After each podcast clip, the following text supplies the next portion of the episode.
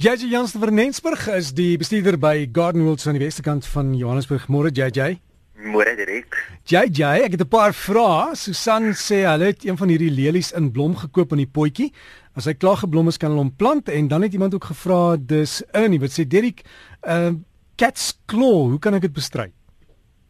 Raak kos begin gaan by die lelie. Ehm um, op die oomblik sal dit teen in jou gewone varkore wees wat sy geblom gekoop het want jou varkore was nou volop in blom gewees en beskikbaar gewees. So ja, mense kan hom definitief uitplant nadat hy geblom het, maar mense wag gewoonlik vir die plant self om terug te vrek. As jy hom uitplant terwyl hy nog blare op hom het, dan sal hy nie mooi uitplant nie, maar as jy hom of sal hy nie um, suksesvol verplant nie. Maar as jy hom verplant as die blare wel weggevrek het, fantasties, dan sal hy pragtig weer groei. Onthou net dat maak jy seker wat se wat se lelie dit is wat wat ons van praat. Ek dink dit is varkore, ek neem maar aan dit is varkore, maar onthou net dat jy hom nou op die regte plek plant. As dit jou gekleurde varkore is, hy wil wel son hê. So moet hom nie ergens in die skaduwee plant nie, moet hom op die plant waar hy te veel water kry nie. Kom ons praat oor die catsclaw. Nou catsclaw is ongelukkig uh verklaarde in onkruid en dit is eintlik 'n pragtige plant, maar is ongelukkig ietsie baie baie moeilik om van ontslae te raak. Uh hy maak 'n verskriklike sterk wortelstelsel en hy maak eintlik hierdie enorme dik wortels. Jy weet, dis amper asof die basis waaruit hy groei 10 keer 10 keer groter is as die plant self. Nou, wat 'n mens eintlik moet doen is jy moet probeer om soveel as moontlik van daai wortel te ontbloot en dan vat jy 'n boomdoder, jy meng 'n boomdoder met water of diesel hang nou alles af wat jy gebruik. Ek weet in die Protecrex is die triklon 'n goeie een om te gebruik, maar in geval jy gebruik dit dan boor jy gate in daai wortelbal in daai wortelknol van die van die catsclaw creeper en dan gooi jy die boomdoder eintlik in daai wortelbal in. Dit sal nie die grond om hom enigstens affekteer nie en ja, dit gaan nie net een toediening vat nie. Jy gaan 'n paar keer moet toedien en ook onthou hy het 'n netwerk van bolle. So jy gaan al daai bolle moet probeer in die hande kry of net ten minste kan ontbloot voordat jy hulle kan behandel en dan gaan jy so van hom ontslaa raak. En dan judge net aan een vinnig is daar is onkruid in die gras, daar is seker middels seker wat dit sal voorkom of help net?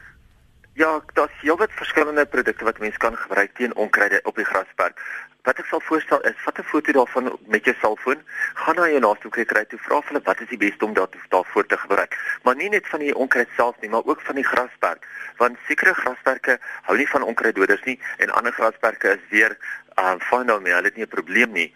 So probeer om 'n foto te neem selfs half van die onkruid half van die gras uit dit na die kwekery en sê vir hulle dit is my probleem. Wat kan ek daarteen daarteen gebruik? Want ongelukkig maak nie een onkruiddoder al die onkruide dood nie so ons moet maar seker maak dat ons die regte onkruiddoder gebruik en dit ook reg gebruik jy weet hierdie een van die grootste foute wat mense maak is om altyd daai bietjie ekstra te gee daai bietjie ekstra te spuit en as mens daai bietjie ekstra gee of daai bietjie ekstra spuit maak mens baie keer jou gras seer Jy weet daai onkruiddoders is gemaak om nie jou gras seer te maak as jy dit reg gebruik nie. Maar party ouens sal hom dubbel en dwars twee keer en drie keer oorspuit en dan dink hulle ja nee die onkruiddoder het nou hulle gras seer gemaak. Hulle verstaan nie hoekom nie. Hulle sal dit nooit weer gebruik nie. Maar dit was ongelukkig die probleem dat hulle nie die aanwysings reg gevolg het nie. JJ hierdie tyd van die jaar dis ook 'n tyd in die tuin waar nie eintlik veel gebeur nie. Wel so dink mense, né? Ja nee, dit voel altyd so vir as mense soos in die binneland nou opstaan en dit is so lekker koel dag soos vandag dan wil jy nie eintlik hê daar moet baie in die tuin gebeur nie.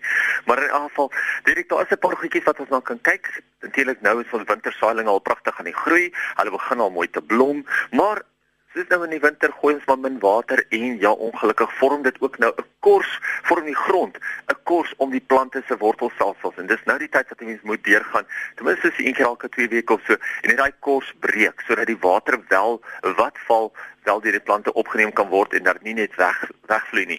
Sop nou dat jy nou nie die ehm um, plante se wortelstelsels seermaak nie.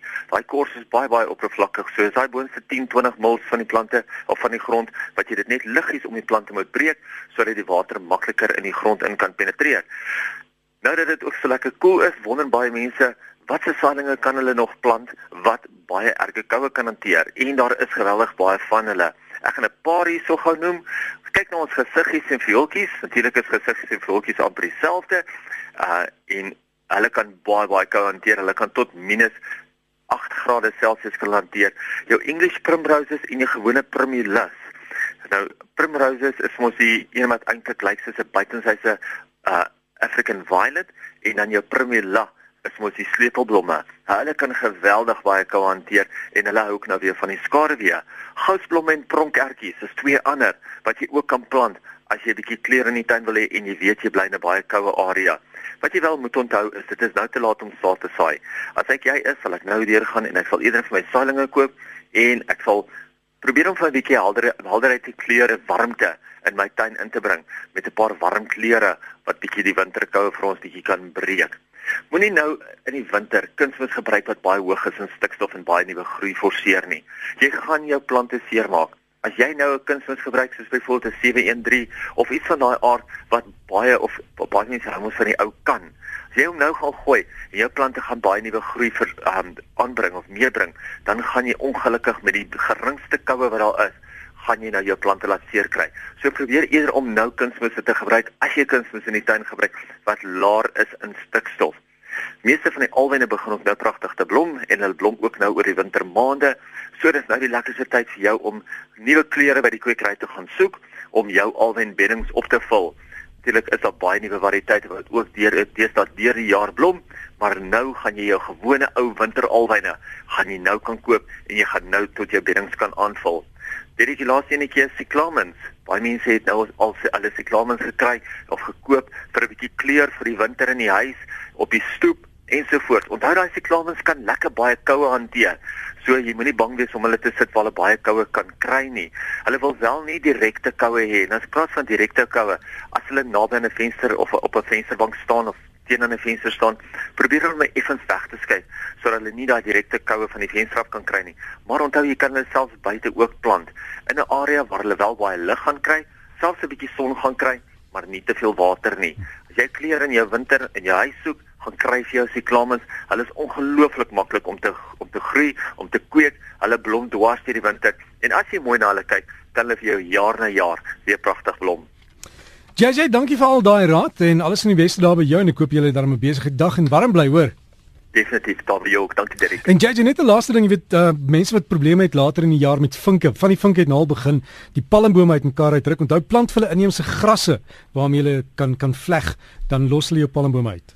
Dis ja nee, dis 'n baie interessante wenk daai en dan ook wat ek al gehoor het wat mense doen is hulle vat sommer gewone ou lemoensakkies en dan maak hulle daai lemoensakkies vol veldgras stop ergens hmm. langs die pad of gaan kry 'n bietjie veldgras, druk dit aan 'n lemoensakkie, hang dit in die boom op by die palmbome en hulle sal veel eerder daai sagte grasies uit daai lemoensakkie uitkom haal voordat hulle jou palms gaan verwoes. So gesels JJ Jansen van Rensburg se e-posadres is jj by gardenworld.co.za. Jj by gardenworld.co.za.